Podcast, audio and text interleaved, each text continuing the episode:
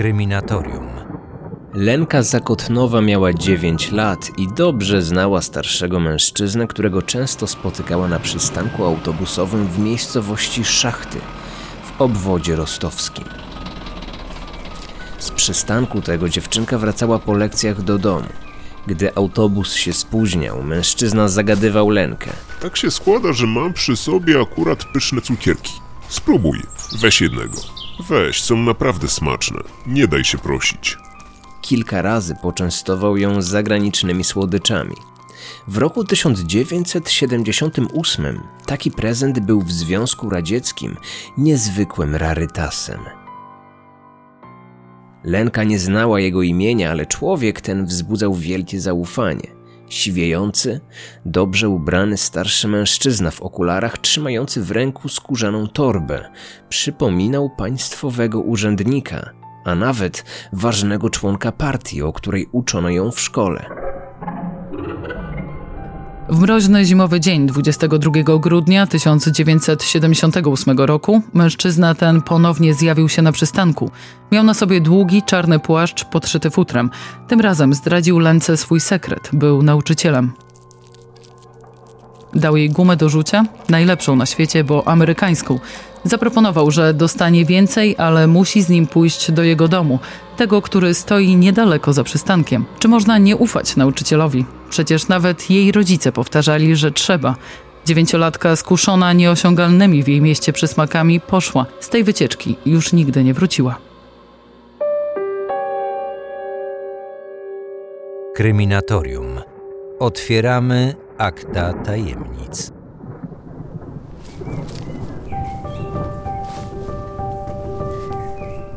Gdy doszli na miejsce, okazało się, że domek nie jest taki piękny, jak opowiadał starszy pan. Właściwie była to rozpadająca się rudera z zabitymi oknami, ale znajdowały się tam zagraniczne słodycze, które Lenka uwielbiała. Mężczyzna wpuścił dziewczynkę do środka i zapalił światło. Zamknął drzwi na klucz. Nie mógł już dłużej czekać. Natychmiast rzucił się na swoją ofiarę i przewrócił na podłogę. Zdarł z niej ubranie, potem opuścił swoje spodnie. Na ten moment czekał od dawna. Marzył o seksie z poznaną na przystanku dziewczynką. Ku jego wielkiej rozpaczy nie mógł się jednak podniecić. Gdy ofiara zaczęła krzyczeć, przycisnął ramieniem jej szyję. Po chwili Lenka straciła przytomność. Kiedy zdał sobie sprawę, że nie osiągnie erekcji, zaczął ją gwałcić palcami. Dziewięciolatka ocknęła się. Im głośniej krzyczała, tym większe czuł podniecenie. Krzyk mógł zaalarmować przypadkowych przechodniów, więc postanowił ją uciszyć. I właśnie podczas duszenia swojej ofiary przeżył największy w życiu orgazm. Po wszystkim wyjął ze swojej torby nóż i trzy razy wbił go w brzuch martwego już dziecka. Ciało Lenki wyniósł z domu i wyrzucił do pobliskiej rzeczki, Gruszewki. Gdy wieczorem wrócił do domu, czuł się spełniony.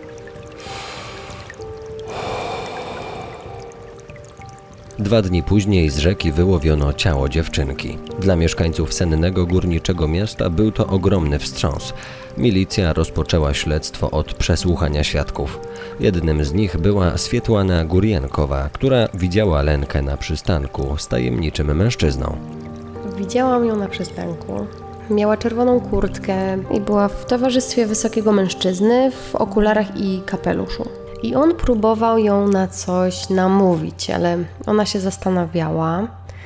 Później kiwnęła głową, tak jakby się na coś zgodziła i poszli razem. A zapomniałam, miał jeszcze butelki w torbie. Ale co ja jeszcze więcej mogę powiedzieć? Miała czerwoną kurtkę i tornister. I to wszystko. Na podstawie zeznań kobiety sporządzono portret pamięciowy i wytypowano głównego podejrzanego. Nikt nie zwrócił jednak uwagi na fakt, że Aleksander Krawczenko w niczym nie przypominał człowieka z portretu. Nigdy nie nosił okularów i był dwa razy młodszy. Za jego winą bezspornie przemawiało to, że mieszkał w pobliżu oraz odsiedział 6 lat zasądzonych 10 za gwałt i morderstwo 17-latki. Wtedy uniknął kary śmierci tylko dlatego, że w chwili popełnienia zbrodni, czyli w 1970 roku, był nieletni. Innego zdania był dyrektor szkoły w pobliskim Nowoszachtyńsku. Pedagog zeznał milicjantom, że mężczyzna z portretu pamięciowego przypomina mu jednego z byłych nauczycieli, który kilka lat wcześniej zwolnił się ze szkoły po tym, jak odkryto, że molestował swoich uczniów. Gdy na miejscu zbrodni znaleziono ślady krwi dziecka, sąsiedzi wskazali, że dom należy do Chikatiły. Mężczyzna został zatrzymany, ale od razu wypuszczony. Jego żona zeznała, że w dniu morderstwa byli razem w ich domu. Andrzej, jako członek komunistycznej partii Związku Radzieckiego, miał nieposzlakowaną opinię, więc dyrektorowi nie uwierzono. Dobry komunista nie mógł być przecież zdolny do takich okropności. Radzieckie przesłuchania milicyjne miały to do siebie, że podczas ich trwania większość podejrzanych do wszystkiego się przyznawała. Tak też było w przypadku Krawczenki. Mężczyzna został skazany na karę śmierci, którą wykonano 5 lipca 1983 roku.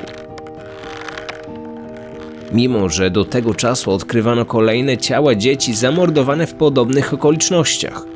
Po latach jedna z miejscowych kobiet w rozmowie z dziennikarzem Igorem Sokołowskim wspominała: Kiedy znaleźli tę zamordowaną dziewczynkę, wszyscy podejrzewaliśmy Krawczenkę. Chłopak przyjechał z Ukrainy, zamieszkał z Rosjanką na tej samej ulicy co Chikatiło. Ona jak się nachlała, to łaziła po okolicy i opowiadała, że na Ukrainie Krawczenko już siedział w więzieniu za mord i gwałt. No to jak milicjanci połączyli, że tam morderstwo z gwałtem i tu dokładnie to samo, no to następnego dnia już go aresztowali. Chociaż ktoś gdzieś tam mówił, że niby widział tego Chikatiłę z tą dziewczynką, ale gdzie tam podejrzewać nauczyciela, jak mieli kryminalista na talerzu. Nikt wtedy nie przypuszczał, że ta fatalna pomyłka radzieckich organów ścigania będzie kosztowała życie co najmniej 52 osób, które w ciągu następnych 12 lat zostaną zabite przez prawdziwego mordercę Lenki, byłego nauczyciela literatury, Andrieja Cikatiłę.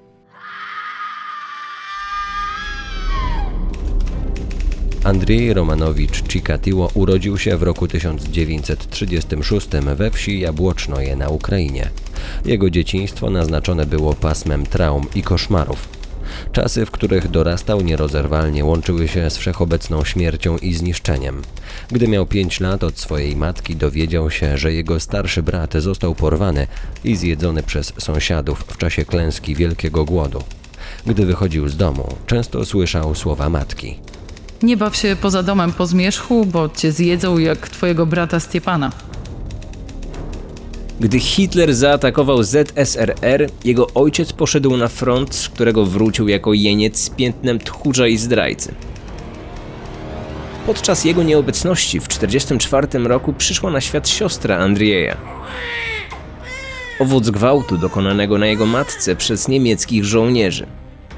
Dorastający Chikatiło wolał czytać książki niż bawić się z kolegami, którzy przy każdej możliwej okazji wyśmiewali jego wątłą sylwetkę, zniewieściałe ruchy i słaby wzrok. Jego kontakty z rówieśnikami zostały całkowicie zrujnowane, gdy w szkole zaczęto powtarzać plotkę o tym, że Chikatiło moczy się w nocy we własnym łóżku. Wydawało się, że po okresie dojrzewania jego życie nabiera barw. W wieku 16 lat został redaktorem gazety Sztandar Górnika. Jako zatwardziały komunista publikował w niej chętne czytane polityczne artykuły. Przybrał na wadze, a noszone okulary dodawały mu opinii intelektualisty. Zaczął być lubiany i szanowany. Miał tylko jeden problem. Nie umiał nawiązywać kontaktów towarzyskich z dziewczynami, które mu się podobały. Dorosły Chikatiło wyjechał do Moskwy. Chciał studiować prawo, jednak nie zdał egzaminu wstępnego. Był przekonany, że winny temu był jego ojciec i zdrada, której się dopuścił podczas wojny. Aby zmazać hańbę ojca, został członkiem KPZR-u. Niepowodzenia w nauce próbował zrekompensować sobie chodzeniem na randki. Zaczął mieć nawet spore powodzenie u kobiet, ale wszelkie próby podejmowania współżycia seksualnego kończyły się fiaskiem. Gdy zdał sobie sprawę, że jest impotentem, załamał się całkowicie. Po odbyciu służby wojskowej Andrzej zamieszkał w obwodzie rostowskim. Tam ściągnął też swoją matkę i siostrę Tatianę. To właśnie ona zaaranżowała jego małżeństwo ze swoją koleżanką. Pomimo impotencji doczekał się potomstwa. Córki Ludmiły i syna Jurija. Czy rzeczywiście Andrzej był ich biologicznym ojcem? Pytanie wciąż pozostaje otwarte. Gdy w 71 roku ukończył korespondencyjne kursy literatury rosyjskiej, inżynierii i leninizmu, podjął pracę jako nauczyciel w szkole zawodowej w Nowoszachyńsku. Nie był jednak szanowany przez uczniów, którzy często go wyśmiewali. Pedagog miał też swoją mroczną stronę, którą w książce Seryjni mordercy opisali Arkadiusz Czerwiński i Kacper Gradoń. Przez następne siedem lat Chikatilo popełnił na swoich uczniach liczne czyny lubieżne, które oprócz podglądactwa obejmowały sadystyczne bicie i próbę odbycia stosunku seksualnego ze śpiącym w szatni uczniem. Za żadne z nich nie został jednak ukarany. Znalezienie zboczeńca wśród kadry pedagogicznej mogłoby rzucić cień na wszystkich nauczycieli.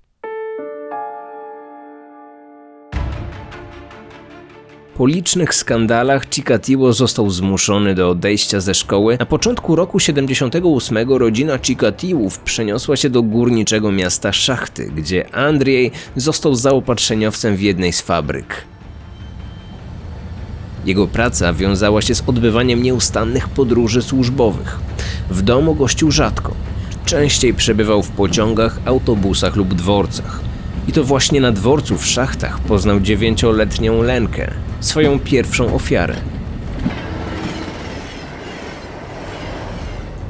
Po aresztowaniu Krawczenki Chikatilo był przerażony. O mały włos on zostałby zatrzymany. Strach przed schwytaniem trzymał go w uśpieniu niemal trzy lata.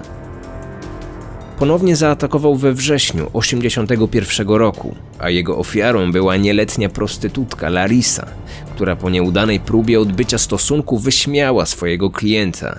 Wściekłość Andrija wyzwoliła drzemiącego w nim potwora, który kilka razy dźgnął kobietę nożem, a jej usta wypchał ziemią. Na końcu odgryzł swojej ofierze sutki i masturbował się nad jej martwym ciałem.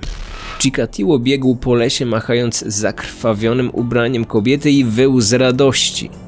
Czułem się wtedy jak zwierzę, jak dzikie zwierzę. Morderczy szał Chikatiły rozpoczął się na dobre w czerwcu 82 roku. W ciągu następnych sześciu miesięcy zamordował siedem osób. Najmłodsza ofiara miała 9 lat, najstarsza 19. Ginęły zarówno dziewczynki, jak i chłopcy. Dzieci umierały najczęściej od kilkunastu ciosów nożem. Ich genitalia po śmierci zostały odcięte lub wręcz odgryzione, a oczy wydłubane. Chikatilo wierzył bowiem, że w momencie śmierci człowieka w jego oczach zapisuje się ostatni widok, czyli twarz sprawcy. A on nie chciał być przecież rozpoznany. Następny rok przyniósł kolejne ofiary. Chikatilo pojawiał się na dworcach autobusowych i kolejowych, gdzie zagadywał pozostawione bez opieki dzieci. Często jego celem stawały się osoby upośledzone bądź bezdomne, które zwabiał do lasu obietnicą jedzenia albo poczęstunku alkoholem.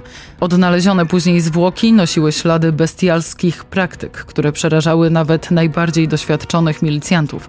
Dziesięcioletniej Oldze Chikatilo wyciął serce, które zabrał ze sobą. Cierpiąca na zespół Downa trzynastoletnia Irina miała wyciętą macicę.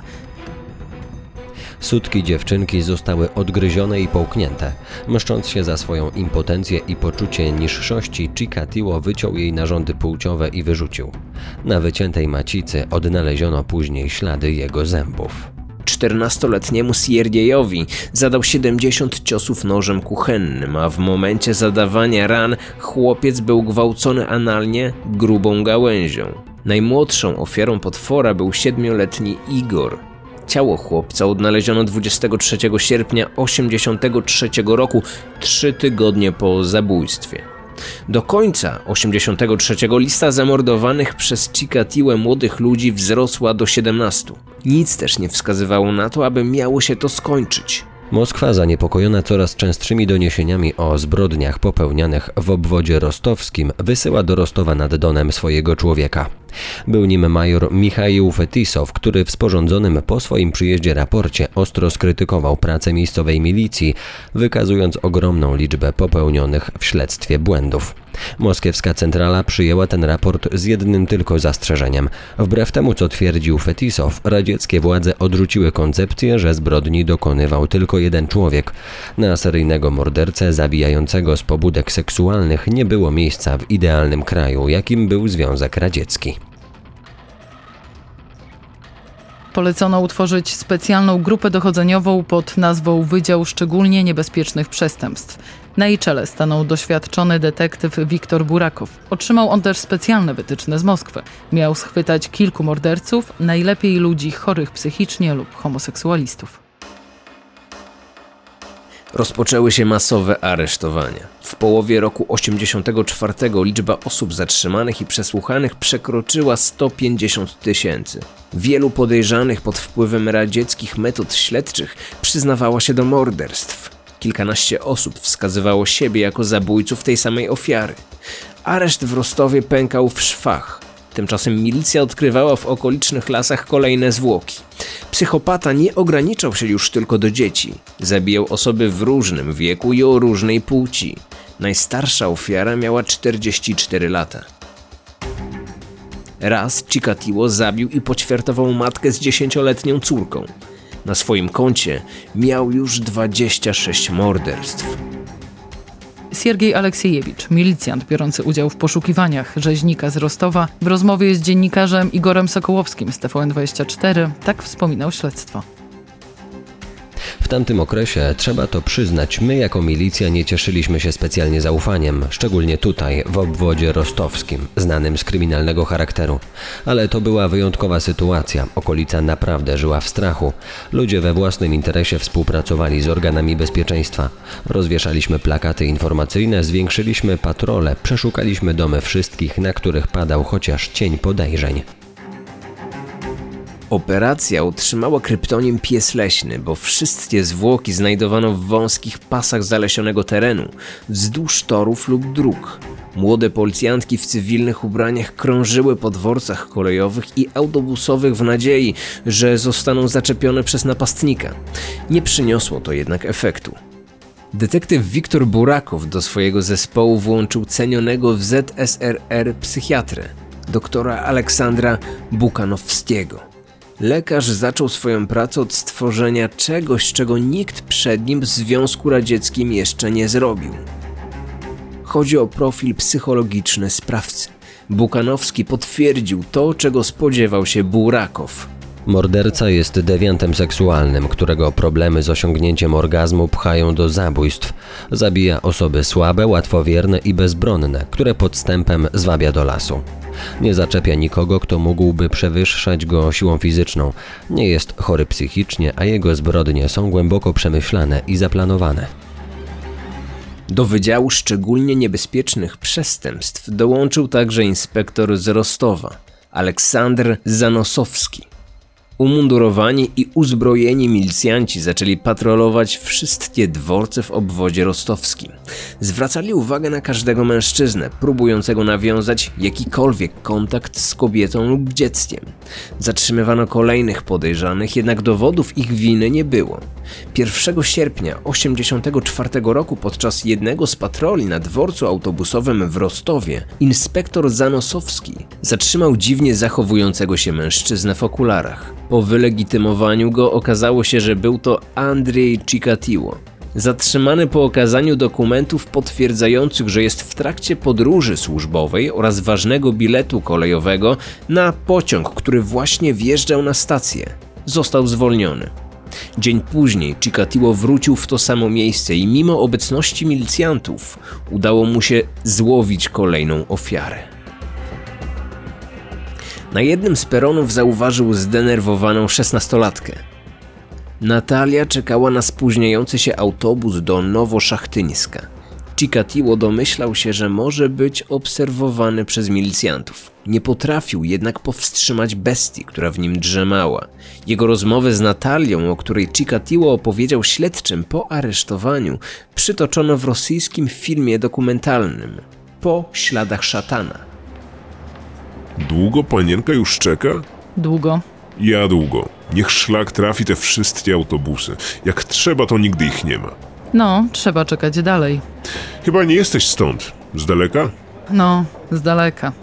Wiesz, tam za lasem jest droga na Taganrog i ona też prowadzi do Nowoszachtyńska. Autobusy częściej tam jeżdżą, a nawet okazję można tam łatwiej złapać. Czasem ktoś podwiezie samochodem. Może pójdziemy. I Natalia poszła. Zaufała starszemu, uprzejmemu panu. Teczka, szary garnitur i duży krawat. Wygląd państwowego urzędnika wzbudził w nastolatce zaufanie. Za tę ufność zapłaciła najwyższą cenę. Jej ciało z licznymi ranami kłutymi odnaleziono dzień później. Inspektor Aleksandr Zanosowski, który dzień przed morderstwem legitymował Chikatiłę, był niemal pewien, że to właśnie ten mężczyzna odpowiada za wszystkie zbrodnie popełnione w obwodzie rostowskim. Zanim jednak trafił na jego ślad, bestia zaatakowała skutecznie jeszcze pięć razy.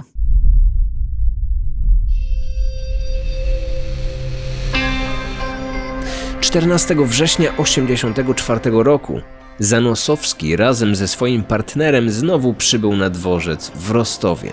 Wśród tłumu podróżnych zauważył Andrieja, który sprawiał wrażenie bardzo zdenerwowanego. Milicjanci postanowili go śledzić. Zachowywał się bardzo podejrzanie, kręcił się bez celu. Gdy zobaczył młodą kobietę, podszedł do niej, ale nie chciała z nim rozmawiać. Wstała i wyszła. Później udał się na peron. Spacerował. Później jeździliśmy za nim po całym mieście. Ciągle zmieniał środki transportu. My za nim, jak cienie. W centrum Rostowa wciąż oglądał się za siebie. Poszedł do parku i przesiedział tam dwie godziny. Siedziałem w pobliżu, udając, że czytam gazetę. W nocy wrócił na dworzec autobusowy. Tam trochę pospał. Nie spuszczaliśmy go z oczu. Nagle usiadła obok niego młoda kobieta. Nim mrugnęliśmy okiem, on już z nią flirtował. Za chwilę kobieta przysiadła się bliżej niego i położyła mu głowę na kolanach, a on zasłonił jej głowę torbą. Rysopis się zgadzał. Byliśmy pewni, że to on. Czekaliśmy. Chcieliśmy zobaczyć, dokąd ją zabierze. Była to taka panna, co z każdym pójdzie. Podsłuchaliśmy fragment ich rozmowy. Umówili się za godzinę na rynku. Chyba się domyślił, że go obserwujemy i chciał nas zgubić. Wtedy podszedłem do niego i powiedziałem z uśmiechem: Wpadliście, obywatelu Chikatiło. Chikatiło został aresztowany za czyny lubieżne dokonane w miejscu publicznym. Przeszukano jego torbę, w której znaleziono sznurek, wazelinę i nóż kuchenny. Do czego wam wazelina, obywatelu? Używam do golenia, zamiast kremu. A sznurek? Noszę na wszelki wypadek, do wiązania różnych rzeczy. Macie też nóż. Jakże to obywatelu z takim nożem spacerować? Na ostatnie pytanie zatrzymany już nie odpowiedział. Chikatiło został przewieziony do aresztu, ale pojawiły się komplikacje. Wcześniej ustalono, że napastnik ma grupę krwi AB. Tymczasem Chikatiło miał grupę A. Inspektor wiedział, że jeśli w ciągu 72 godzin nie znajdzie dowodów jego winy, trzeba będzie aresztowanego wypuścić.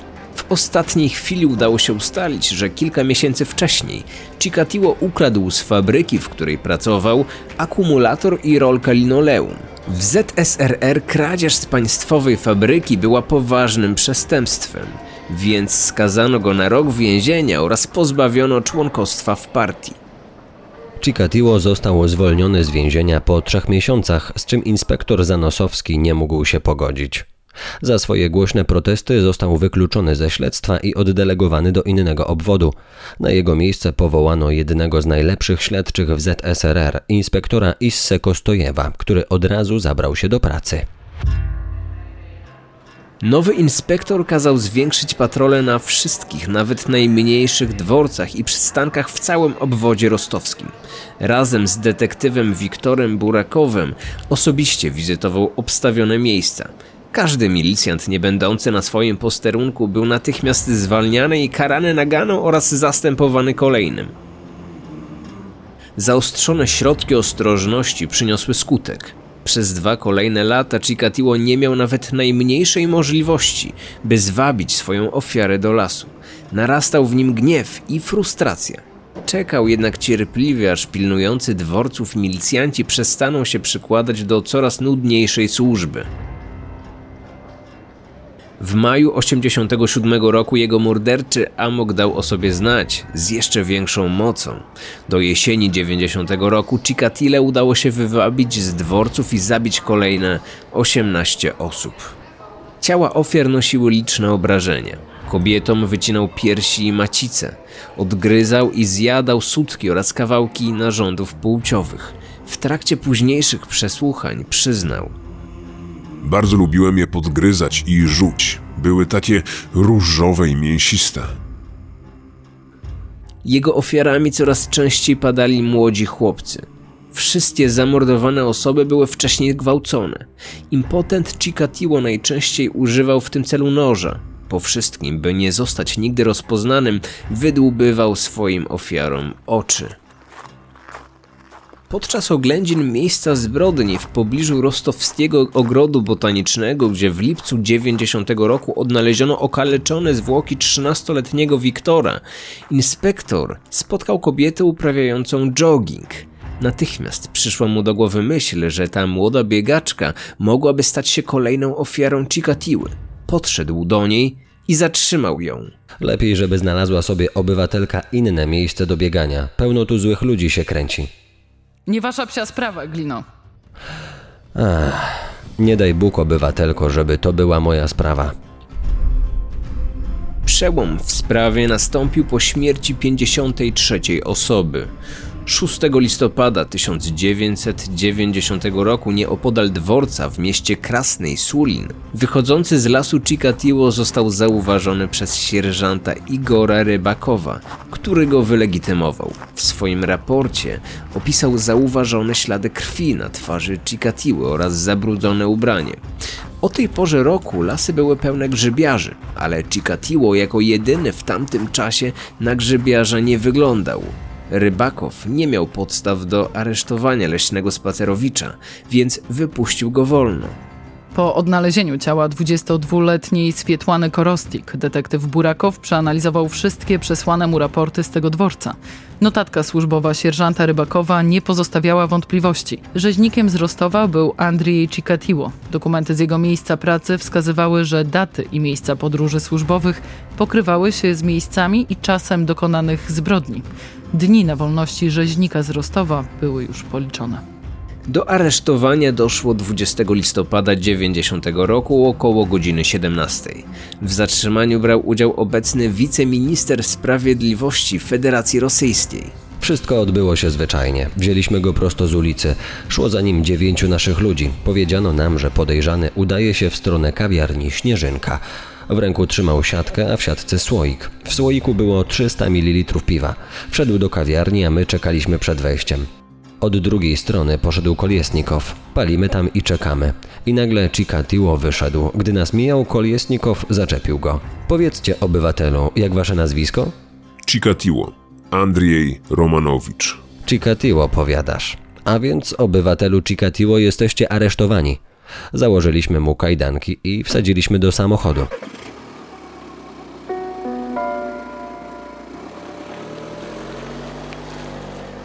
Chikatiło został przewieziony do aresztu i przesłuchany.